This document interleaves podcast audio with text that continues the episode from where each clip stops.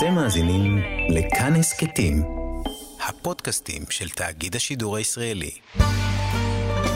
חברותה עם ידידיה תנעמי.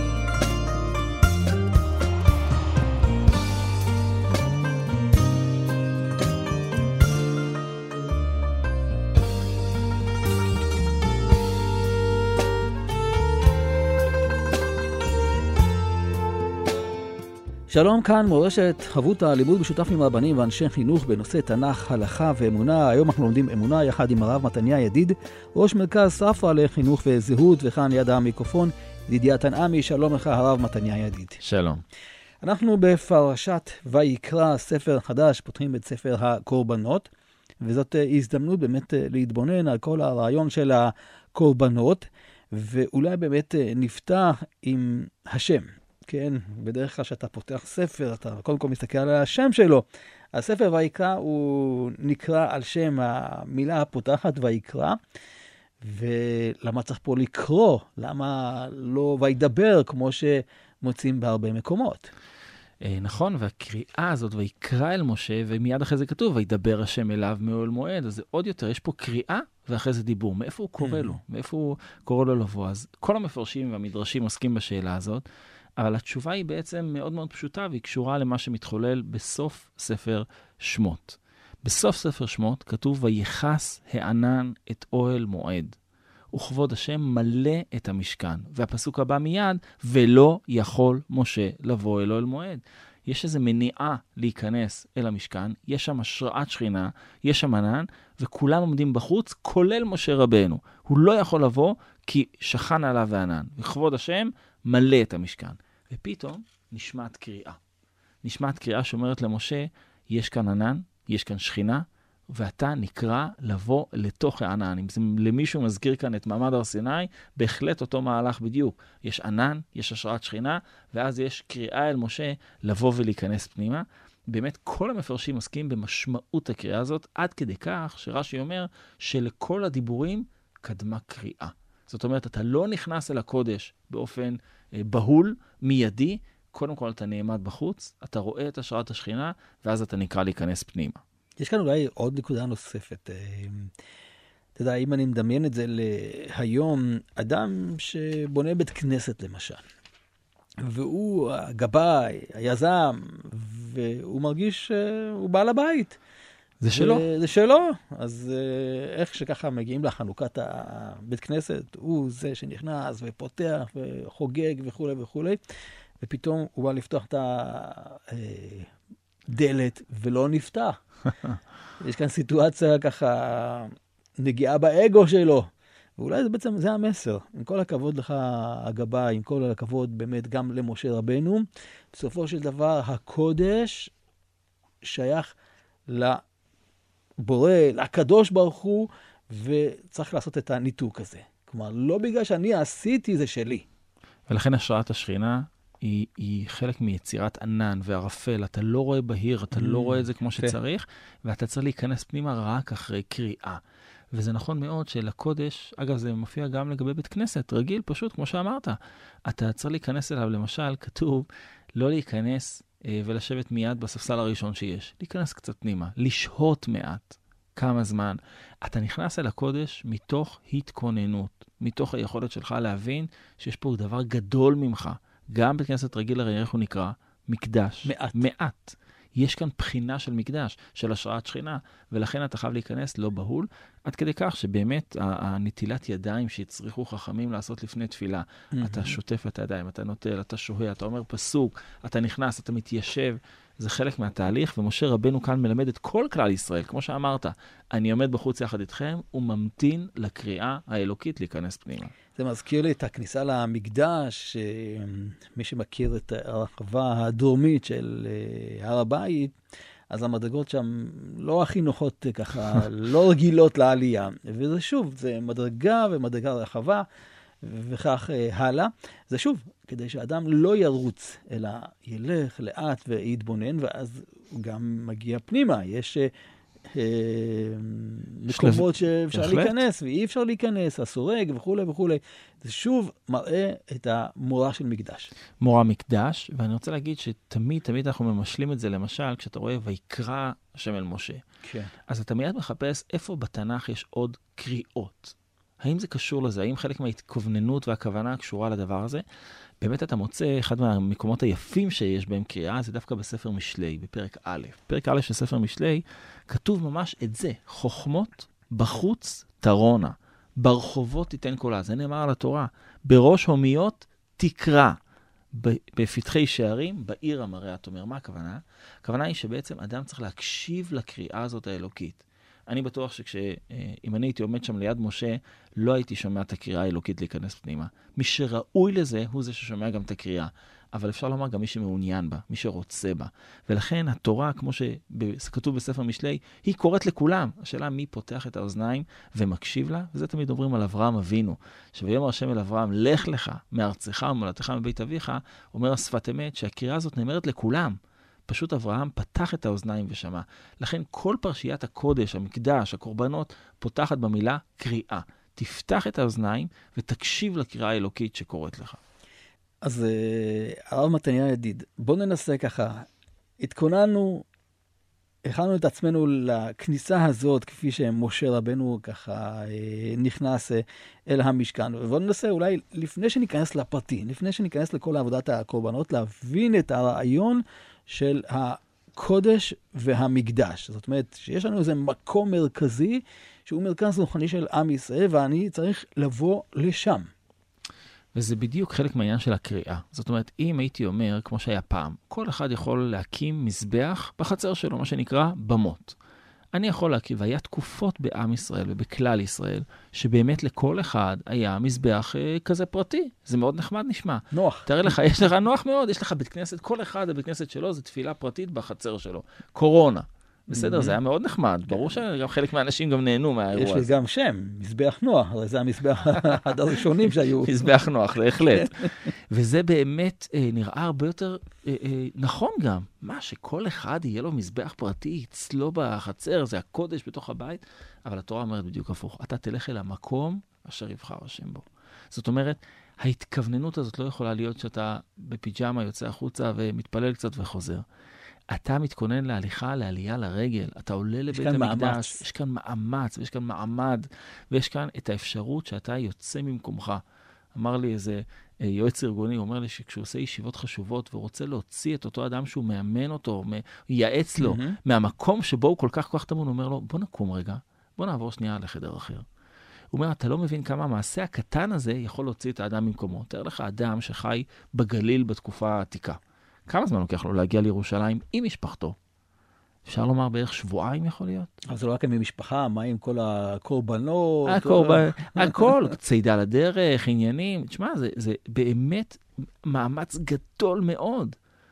זה, תאר לך, כשהוא מגיע למקדש, איזה התרגשות זאת. מהמם. איזה מעמד זה, הוא מגיע לירושלים, הוא מגיע להר הבית, כמו שאמרת, הוא מגיע לשלבים השונים שהוא פוגש בהם את אה, הר הבית. כמו שכתוב, למשל, אחד המקומות שצופים בהם על הר הבית, איך הוא נקרא? צופים, צופים? הר הצופים. הר הצופים.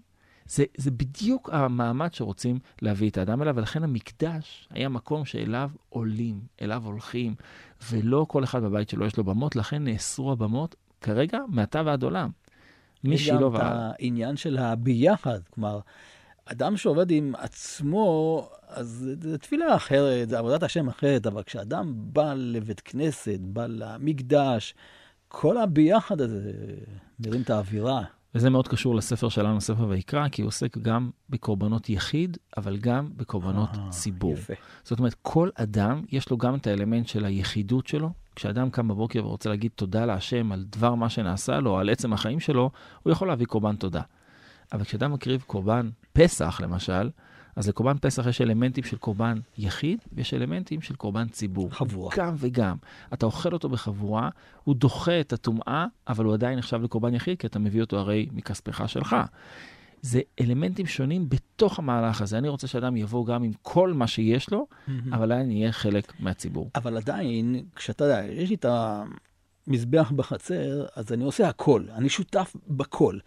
פה אני מגיע כמעט כמו אורח. אני בא ויש לי לוויים, כהנים, הם uh, עושים את כל העבודה כמעט.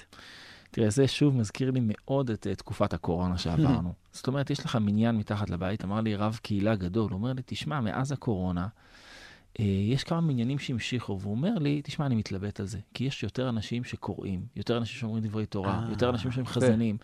הוא אומר לי, אני לא רוצה לאבד את זה. ומצד שני, בית הכנסת הגדול, שכולם מתכנסים אליו, ברוב עם, הדרת מלך, הוא נהיה קטן יותר. זה שיקול קשה מאוד, אבל התורה הכריעה בו. התורה הכריעה שיש מקום אחד שאליו הולכים. הייתה תקופה שהותרו הבמות, ועכשיו הם נאסרו. משילה ואילך, אין יותר היתר לבמות. הרמב"ם מאוד מדגיש את זה, שהבמות לא יחזרו. למה? כי ההתכנסות הזאת של כלל ישראל יותר חשובה מההרגשה הרוחנית של האדם הפרטי. אני רוצה שיהיה מקום מרכזי, גם אם אתה חולה או זקן או לא יכול ללכת כרגע, עדיף שעם. עם ישראל כולו יתכנס למקום כללי אחד, מאשר שלך בחצר יהיה מזבח ותתפלל לבד. חברותה עם ידידיה תנעמי. חברותה באמונה כאן במורשת, אנחנו מתבוננים דרך הפרשות על הרעיון של עבודת אה, השם, ואם מדברים על עבודת השם, אז עבודה זה הקורבן.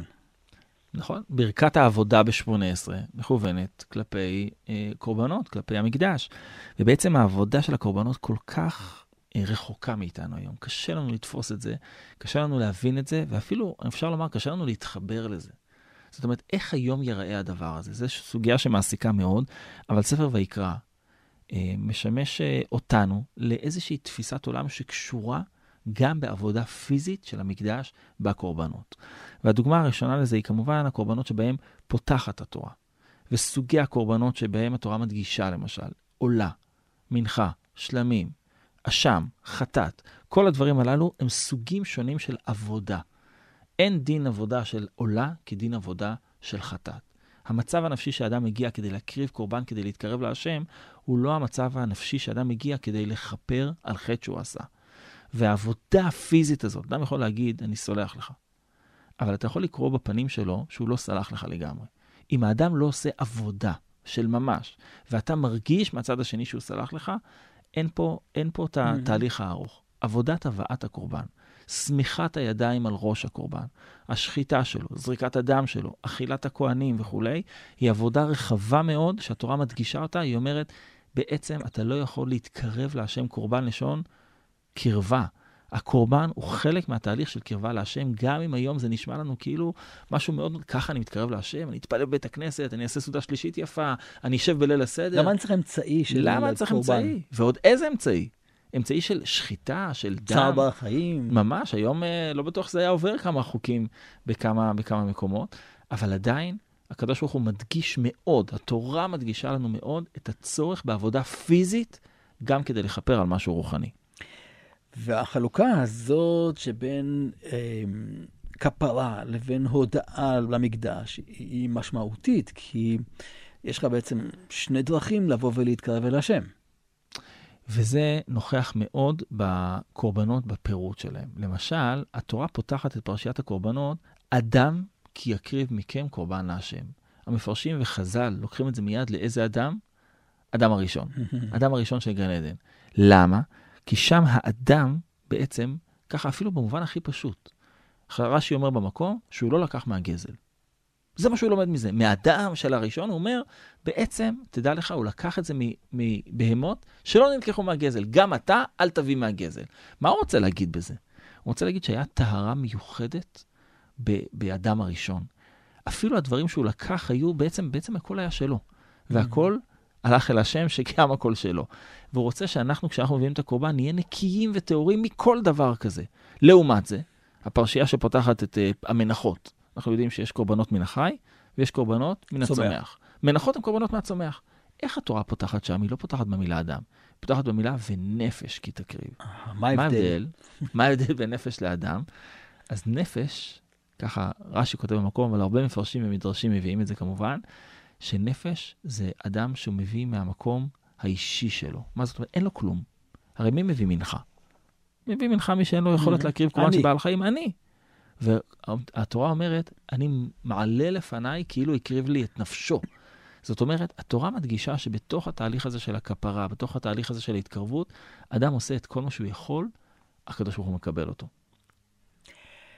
אז העניין הזה של הקורבנות, הם כביכול הם במקום האדם, כלומר האדם שמקריב את הבהמה, הוא צריך להרגיש שהוא היה אמור להיות תחתיו של הקורבן? אז זו גישה אחת. אגב, גם בתעניות ציבור. כן. יש אה, אה, מנהגים להוסיף את המילים הבאות, שיהיה מיעוט חלבי ודמי כאילו הוקרב Mm. לפניך.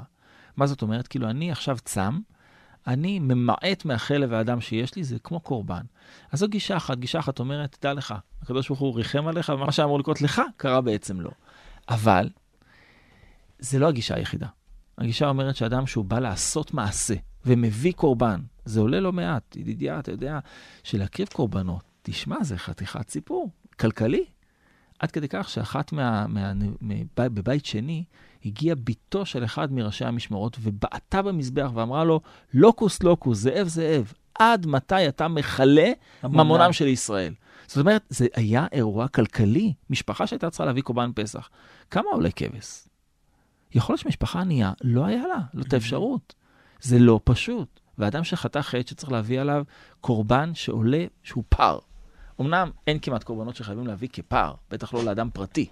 ועדיין, זה אירוע שעולה כסף. כשאדם מוציא מכספו, אדם הולך עם הדבר הזה לבית המקדש, אדם מקריב קורבן, זה משנה אותו.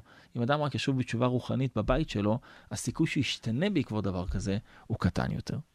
החלוקה הזאת שיש לך לקורבנות, אה, חטא, פשע, כלומר, לכל דבר שאדם עושה, יש את הקורבן המדויק שלו?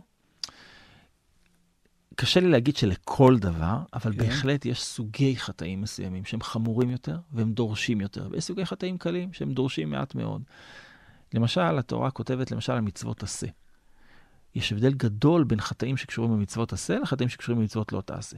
אם אדם חלילה נשבע לשקר, או אדם עשה עבירה חמורה, בוודאי שהכפרה שלו היא חמורה יותר, שלא נדבר על מצורע ונזיר שנטמע ואחרים. בוודאי, וזה גם מלמד אותנו היום. לא כל נפילה היא שווה. יש אה. נפילות חמורות שצריכות תיקון גדול. יש נפילות קלות שלא צריך כל כך להחמיר איתן. אותו דבר לגבי מצוות. יש מצוות, יש קורבנות, כן, אין דין קורבן פסח כדין קורבן תודה, כדין קורבן שלמים, למרות שהם דומים. ובכל זאת לכל אחד יש את המסלול המיוחד שלו. אגב, אני, אני גם חושב ש... אה, לגמרא יש לזה, במסכתות זבחים ומנחות, יש לזה רמזים, שבאמת היו אה, תנועות נפשיות שונות שהביאו אנשים להביא קורבנות שונים. זאת אומרת, אם אדם קם בבוקר ומרגיש את הצורך להודות להשם, אז יש קורבן מיוחד לדבר הזה. אבל קורבן עולה, למשל, שאתה מביא, הוא מכפר גם במצוות עשה שאתה לא יודע שחטאת. זאת אומרת, אני רוצה להיטהר, אני מרגיש שאני לא מספיק נקי, אני מביא קורבן לבית המקדש. זה מהלך שאין לנו אותו היום. אין לנו היום את היכולת לבצע מעשה כדי לכפר על המעשים שלנו, במובן של המקדש וקודשיו. אז מה, ש- אז מה מכפר היום? אז uh, נשלמה פרים uh, שפתנו. נכון, אנחנו באמת חסרים. אנחנו לומדים את מעשה הקורבנות, אנחנו מתקרבים לזה, ויהי רצון כאילו שיח שפתותינו זה מקובל לפניך, כאילו הקרבנו קורבן כזה. כן, וכזה. אבל, אבל בואו נסתכל על עצמנו בהשוואה לימים של המקדש. כן, אדם שחטא, אז הוא מיד היה צריך לעלות לבית המקדש ולקבל כפרה, או שהוא, כמו שהיום אנחנו, קל לנו, מחכים ליום הכיפורים וזהו. אז באמת שלושת הרגלים היו הטריגר המרכזי לדבר הזה. זאת אומרת, בשלושת הרגלים... ההזדמנות להביא את כל ה... ההזדמנות, תאר לך, כמו שאמרנו, אדם שגר בדרום או בצפון, או בכלל בבבל, וחטא בשבת בשוגג. אז הוא רושם לו, הוא רושם לו, וכשהוא יגיע למקדש הוא יצטרך להביא הרבה מאוד קורבנות. זאת אומרת, הוא יצטרך להביא קורבן של עולת ראייה, ועולת חגיגה, ושלמי שמחה, ואת הקורבנות שהוא חטא, ואת כל הקורבנות שצריך להביא. לכן, אגב, אה, אה, היו הרבה מאוד כהנים במקדש ברגלים. הרבה מאוד כהנים, מהמם. כי היו הרבה מאוד קורבנות.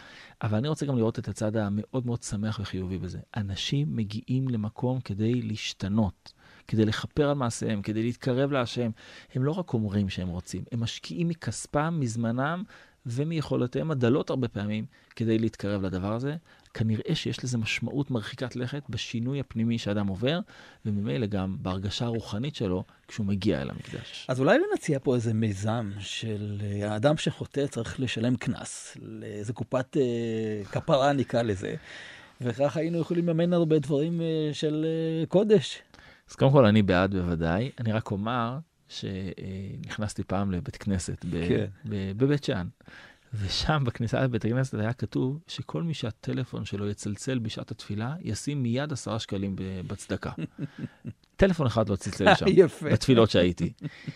יש, יש משהו בזה שבאמת האדם זה מניע אותו לפעולה. כשאני עושה חטא, יש לזה משמעות. אבל צריך לדעת שבמהלך הדורות, יש אה, רשימות ארוכות מאוד, ספר הרוקח ואחרים, עשו רשימות של תיקון לחטאים שלא אה. ניתן להביא עליהם קורבנות. וואו. בדרך כלל זה היה קשור בתעניות, ותעניות לא קלות וארוכות מאוד, אבל uh, בימינו כתב הרב קוק שאנחנו לא הדור שמתאים לזה, אנחנו יותר דור של אהבה, וממילא גם התיקונים שלנו קשורים אולי באהבה, והנה ההצעה שהצעת, אולי מישהו שומע ו- ויקח את זה הלאה. יש קורבן שנקרא קורבן עולה ויורד. לאן הוא עולה? איפה הוא יורד? מה? אז הנה העולה ויורד, זה התחשבות מאוד מעניינת של התורה, שקשורה ביכולות הכלכליות של האדם. אבל זה עוד קל להבין. ברור שאדם שהוא עני, לא ימשכן את כל חייו כדי להביא קורבן, אלא יביא קורבן לפי המסוגלות שלו. אבל יש משהו נוסף, ידידיה. התורה מדגישה שבמקום אשר ישחט את העולה, ישחט את החטאת. קורבן עולה זה קורבן שאדם מביא כדי להתקרב להשם, נכון. מעלה רוחנית גבוהה, והוא רוצה להביא קורבן עולה. קורבן חטאת על מה מביאים? על עבירות חמורות, שזדונם כרת ושגיגתם חטאת. באותו המקום שוחטים אותם. אומרים המפרשים למה? כדי שלא יבחינו אם אתה מביא את זה כי אה, אתה מביא איזה קורבן. עולה, או כי אתה מביא קורבן חטאת. בצפון. שוחטים את שניהם בצפון, ואתה לא יודע, עכשיו, מי שקרוב יודע להתבונן, אבל מי שרחוק אומר, טוב, אני לא יודע אם הוא מביא עולה או כן. חטאת. זה התורה, זה נקרא עולה ויורד. זהירות. וואו. זה זהירות. העולה ויורד זה לפי המצב הכלכלי שלך. אבל גם אני לא רוצה שתתבייש, ולכן אני אגיד לך לשחוט את החטאת באותו מקום ששוחטים את העולה. חלק מההתחשבות בעולם הקורבנות הזה, שהוא עולם קשוח במידה מסוימת. חברותה עם ידידיה תנעמי. חברותא באמונה כאן אה, במורשת, יחד עם הרב אה, מתניה ידיד, ועכשיו אולי נדבר על מערכת הזמנים של הקורבנות. וכשאתה רואה קודם כל את מערכת החגים, אתה רואה שהחגים ממש קשורים לעונות השנה. חג האסיף, חג הקציר, חג האביב. יש פה איזה משהו מאוד אה, עקרוני. במיוחד אה, בחברה שהיא לא חקלאית. נכון. אנחנו לא חיים את החקלאות, מקסימום יש לנו כמה עציצים. אבל אנחנו לא חיים את החקלאות כמו שחיו פעם, והעונות כולם, אתה קורא את החגים בתורה, אתה אומר, אני רוצה להיות חקלאי, תראה כמה זה היה נוכח שם. אבל יותר מזה, אמרת שהחגים הם אה, באביב, בסתיו, אלה עונות המעבר. החגים נמצאים כולם, חגי התורה. לא חנוכה, פורים ולהבדיל, תשעה באב י"ז בתמוז. אבל החגים מהתורה, כולם נמצאים בעונות מעבר. זו הערה ידועה שחשבו עליה הרבה. למה בחורף אין לנו חגים מהתורה? למה בקיץ אין לנו חגים מהתורה? התורה לוקחת את עונות המעבר ואומרת לנו, כמו זריקת אדם על גבי המזבח, אתה זורק על קצה הקרן, זה נופל לשני הצדדים.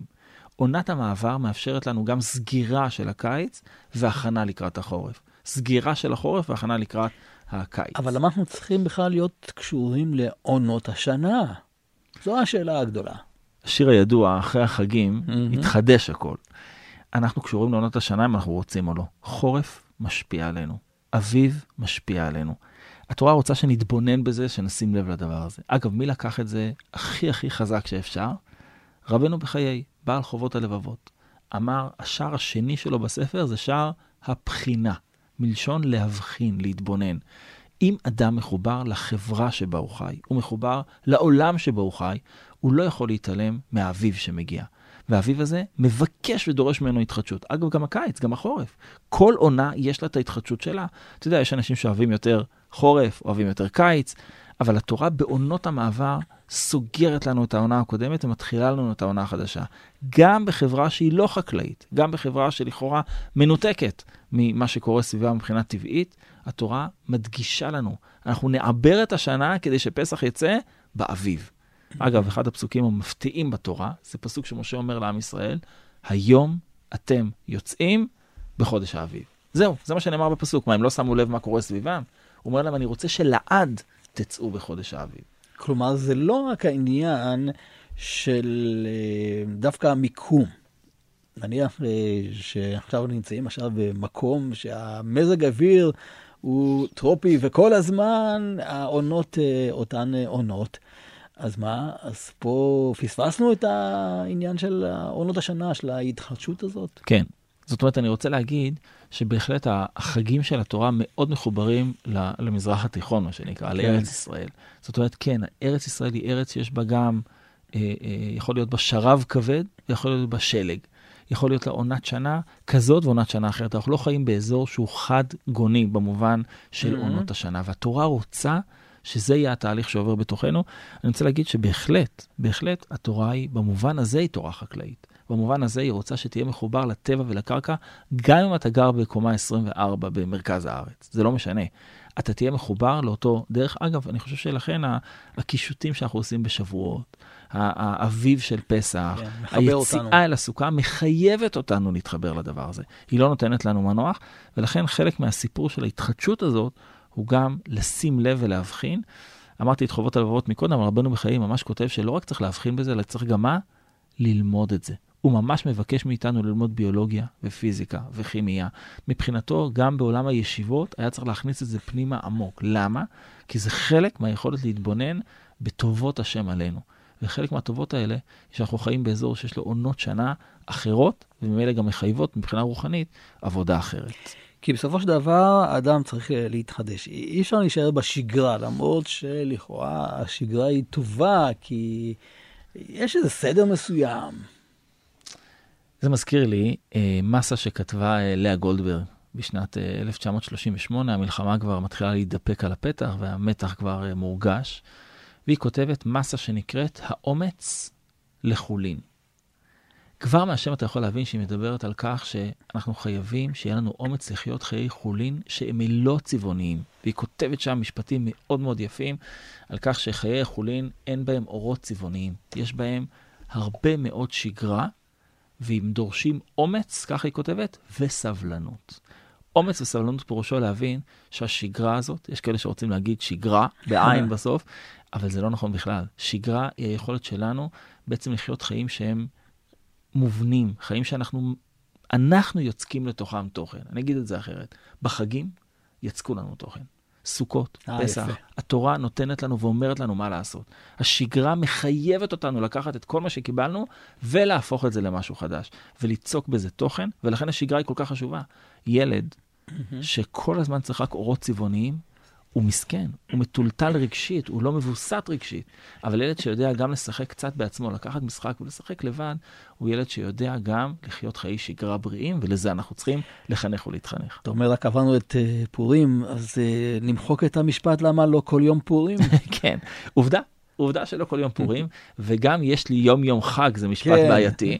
אבל אני אומר שוב, ברור שכל יום הוא התחדשות בפני עצמה, אבל ההתחדשות הזאת לא תלויה באורות הצבעוניים, בתחפושות, היא תלויה בעיקר במה שמתחולל אצלך. איך מישהו אמר לי פעם לגבי העבודה שלו? אם אתה נמצא יותר מדי בפגישות, שאתה רק מקווה שהם יסתיימו, זה לא, לא טוב. אתה צריך להיות חיי שגרה שהם טובים לך, שמתאימים לך בעבודה, בחיים, במשפחה, והחיים האלה מאפשרים לחגים כשהם מגיעים, זה מקפצה אדירה, ומיד אחרי זה חוזרים. טוב, לפחות יש לנו במהלך אה, השבוע את השבת. היא השוברת השגרה בכל אה, שבוע. נכון, ולכן השבת נקראת קביעה וקיימה. השבת היא לא תלויה ברצון שלנו, אנחנו חייבים להתחדש בשבת. אגב, אני לא חושב שמישהו אה, אה, שחווה שבת באמת יכול להגיד שהיא לא המתנה, אחת המתנות הגדולות שיש לנו. אתה יודע, במהפכת הקשב שעליה אנחנו מדברים, אז שום דבר לא היה מנתק אותנו מהמסכים ומהטלפון למשך 25-6 שעות. זה דבר שקורה בשבת, אבל זה שוב מגיע מאיפה? מלמעלה. האם ביום ראשון או שני אני מוצא לעצמי את הזמנים שאני בלי פלאפון? אתה יודע, יש יוזמה של, אה, של אה, בין 4 ל-6 בלי טלפון, בין 6 ל-8, בין הכל. כל אדם והיוזמה שלו, אבל המחויבות הזאת ליצור שגרה בריאה, היא המחויבות שלנו. חברותה עם ידידיה תנעמי.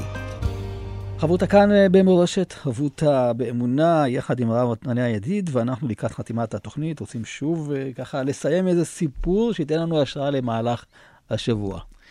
אז אמנם אה, זה סיפור שנקרא סיפור חסידי, אבל נדמה לי שהרבה מאוד מה, מהתורות החדשות שככה מגיעות אלינו מכל מיני כיוונים בעולם, מתכתבות עם הסיפור הזה. אה, והוא סיפור שעוסק בהתחדשות. אבל הסיפור הוא משל, והמשל מספר על אה, מלך גדול מאוד, שהיה מאוד תקיף עם בני עיירתו, עם בני עירו. והמדינה שלו מאוד מאוד הייתה מתפתחת ומתקדמת והכול, אבל הוא היה מאוד מאוד קשוח איתם. ואנשים אה, פחדו ממנו. יום אחד המלך קם ואומר, רגע, כולם מפחדים ממנו, וכולם אומרים לי כמה אני טוב וכמה הם אוהבים אותי, אבל באמת אני לא יודע מה הם חושבים, אני יודע שהם מפחדים. הוא אומר, אני חייב לבדוק אם באמת הם אוהבים אותי. ויום אחד אה, בבוקר הוא קם ומחליט, אני אה, יוצא מהארמון, מהדלת האחורית, בבגדים של אדם פשוט, שעוד יש לו בארון מפעם, ואף אחד לא שם לב, שעה ארבע וחצי, חמש לפנות בוקר, יוצא מהדלת האחורית, אף אחד לא שם לב, הוא מתחיל ללכת בעיירה. פוגש את האופה שקם מוקדם, ושואל אותו, תגיד לי, אתה מכאן? הוא אומר לו, כן. אומר לו, תגיד לי, אתה מכיר את המלך? הוא אומר, בטח, כולם מכירים את המלך. הוא אומר לו, תגיד לי, אתה אוהב את המלך? האופה חושב לרגע ואומר לו, אתה יודע מה, כן. אמנם הוא קצת קשה איתנו, אבל תראה איך המדינה מתפתחת ואיך הכל פה טוב. אני אוהב את המלך. המלך כמובן שמח מאוד לשמוע את זה, וממשיך ללכת ברחובות. וכל אחד שהוא פוגש, זה מה שהוא שואל אותו. תגיד לי, אתה מכאן? הוא אומר לו, כן. תגיד לי, אתה מכיר את המלך? כן. אוהב את המלך? כמעט כולם אומרים לו, כן. המלך מתרגש ושמח, אומר, הנה, הם באמת אוהבים אותי, הם לא מכירים אותי פה, והנה, הם אוהבים אותי. והוא מתחיל ללכת ברחובות, הוא מתחיל לשכוח את עצמו. הוא מזמן לא הסתובב ככה ברחוב כמו איזה אדם פשוט, והוא מסתובב. עד כדי כך הוא שוכח את עצמו שהוא עובר את כל העיר ברגל ומגיע לשדות שמחוץ לעיר. בשדות שמחוץ לעיר הוא פתאום מתבונן והוא רואה מחזה שהוא אולי עשרות שנים לא ראה. הוא פתאום רואה רועה צאן, רחוק ממנו על ראש הר, יושב עם כל הצאן שלו מסביבו על אבן ומחלל בחליל. הוא אומר, אני חייב להגיע אליו. המלך שלא רגיל ללכת הרבה, נקצר את הסיפור, הולך ומתאמץ וכמעט מתעלף, ומגיע לרועה צאן כבר חצי מאולף, והרועה צאן נותן לו לאכול ולשתות, הם מתחילים לדבר. והמלך מגלה שכל משפט שאומר הרועה צאן, הוא משפט חכם מאין כמוהו, הוא לא שמע חוכמה כזאת. הוא מתלהב מאוד מהרועה צאן, אבל השמש מתחילה לשקוע, הוא יודע מה יקרה, יתחילו לדאוג לו ולחפש אותו ולעשות הכרזות בעיר. הוא יושב שעתיים ושלוש עם הרועה צאן הזה, ומתחיל לרוץ בחזרה אל הארמון, נכנס מהדלת האחורית, והמשרתים פתאום רואים אותו, ומה קרה, וזה, אומר להם, לא קרה כלום, הכל בסדר. והוא לא נרדם כל הלילה. בבוקר הוא קם, לובש את בגדי המלכות שלו, ומוקדם בבוקר אומר למשרתים, בבקשה, אני רוצה את הכרכרה והסוסים לשדות שמחוץ לעיר. למי הוא רוצה ללכת כמובן? רועה הצאן. לרועה הצאן. הרועה הצאן רואה את הכרכרה של המלך עם כל המשרתים, מפנה מהר את הצאן, אבל הוא רואה שהכרכרה נעצרת לידו, והדלת נפתחת, והמלך בכבודו ובעצמו יורד לקראתו. והוא משתחווה, והמלך אומר לו, תגיד לי, אתמול ישב פה איזה אדם אה, ודיברת איתו שעתיים ושלוש? אומר לו, כן, לא יודע מי זה. אומר לו, המלך זה הייתי אני. והרועה צאן מתעלף, ומעירים אותו ומתנצל, אומר, אומר, סליחה, לא כיבדתי אותך כמו שצריך, לא דיברתי אליך כמו שצריך. אומר למלך, הכל בסדר. אני רוצה שאתה תבוא ותהיה שר האוצר אצלי בממלכה. והרועה צאן אומר לו, המלך, אני לא יודע כלום, לא יודע מה זה כסף, אני פה רועה צאן. אומר לו, המלך, תשמע, קצר לכם את הסיפור, המלך משכנע אותו, מכניס אותו לתוך הכרכרה, מחזיר אותו לארמון, והרועה צאן נהיה שר אוצר של הממלכה. מאוד מאוד מוצלח, אבל כל השרים האחרים... קינאו בו. קינאו בו, מתחילים לקנא, לדבר עליו מאחורי הגב, עד כדי כך שכל יום מגיע שר אחר אל המלך ואומר לו, תדע לך הוא גונב, תדע לך הוא לוקח. כל יום, והמלך לאט לאט לאט מתחיל להאמין. עשר בלילה, הרועה צאן כבר אה, לבש פיג'מה, ונכנס uh, למיטה, ופתאום הוא שומע דפיקות בדלת. והדפיקות האלה חזקות מאוד. הוא מיד הולך לדלת, רואה את המלך. את כל השרים עומדים מאחורי הדלת, אומר, מה קרה? יש מלחמה? משהו אומר, לא קרה כלום המלך. אני רוצה להיכנס לבדוק שלא גנבת כלום מהארמון. אומר לו, רואה צאן שנהיה שר אוצר, אני? אני לא רציתי בכלל להיות שר אוצר, אני גנבתי משהו? המלך מזיז אותו הצידה. כולם נכנסים אליו הביתה והופכים לו את הבית. כל הדברים, הבגדים, הארונות, הכלים, מוציאים הכל. והשרים מתחילים לחשוש, אולי באמת לא כלום, לא יכול להיות. הם מגיעים לסוף המסדרון, והדלת האחרונה לא נפתחת. ואז הרועה צאן נופל לרגליים של המלך ומתחיל לבכות ולהתחנן לפניו, ואומר לו, המלך, לא עשיתי כלום, אני מבטיח, אבל אל תפתח את הדלת הזאת. כל השרים מאחורה צוחקים, והמלך אומר לאחד השרים, תבעט בדלת, בבקשה, תפרוץ אותה. אחד השרים ניגש, פורץ את הדלת, וכולם מסתכלים פנימה. ומה יש בחדר? כלום. החדר ריק. חוץ משלושה דברים. במרכז החדר יש אבן גדולה, ענקית. על האבן יש בגד של רועים ויש חליל קטן של רועים. אומר למלך, תגיד לי, מה זה? מה לא רצית שנראה פה? אמר לו הרועה צאן שנהיה שר אוצר, תדע לך המלך, כל יום כשאני חוזר מהארמון, אני פושט את הבגדים המכובדים שלי, נכנס לחדר הזה, סוגר את הדלת, לובש את הבגד של הרועה, מתיישב על האבן ומחלל בחליל, כדי שאף פעם אני לא אשכח מאיפה באתי. ואת הסיפור הזה אה, סיפר לי אבא שלי בליל הסדר. הוא אמר, תדע לך, היסוד של ההתחדשות שלנו זה לחזור לחדר הזה, ללבוש את הבגדים של הרועה צאן, לחלל בחליל ולעולם לא לשכוח מאיפה באנו. הסיפור החסידי היפה הזה, שאומר, אתה יכול לחיות עם בגדים של שר אוצר, אתה יכול להיות שר אוצר, אתה יכול להיות ראש, אתה יכול להיות הכל. בסוף יש לך את החדר הזה, ואם אתה לא יודע לחזור אליו, אתה לא תדע להתחדש. אתה תסתנוור מהזהב שמציעים לך בחוץ. כל אחד יודע מה זה החדר שלו ומה זה החליל שלו. אני חושב שהיהדות מחזירה אותנו פעם אחר פעם לשורש הזה, למקור הזה, ולא נותנת לנו לברוח. הרב מתניה, אתה יודע, כשאתה שומע את הסיפור הזה, אתה מאוד מתרגש מהגדלות של הרועה. אבל אם נתבונן, אנחנו גם רואים כאן את הגדלות של המלך, שהוא יודע לפשוט את הבגדים הללו וללכת ולפגוש את הרועה, לפגוש את האופה.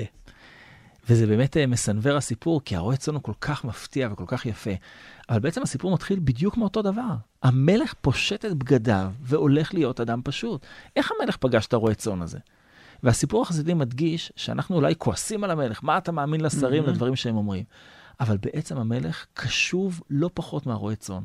אתה יכול להיות מלך ולהיות קשוב, ואתה יכול להיות אדם פשוט ולהיות מנותק. והסיפור החסידי מבקש לעטוף אותנו משני הצדדים הללו.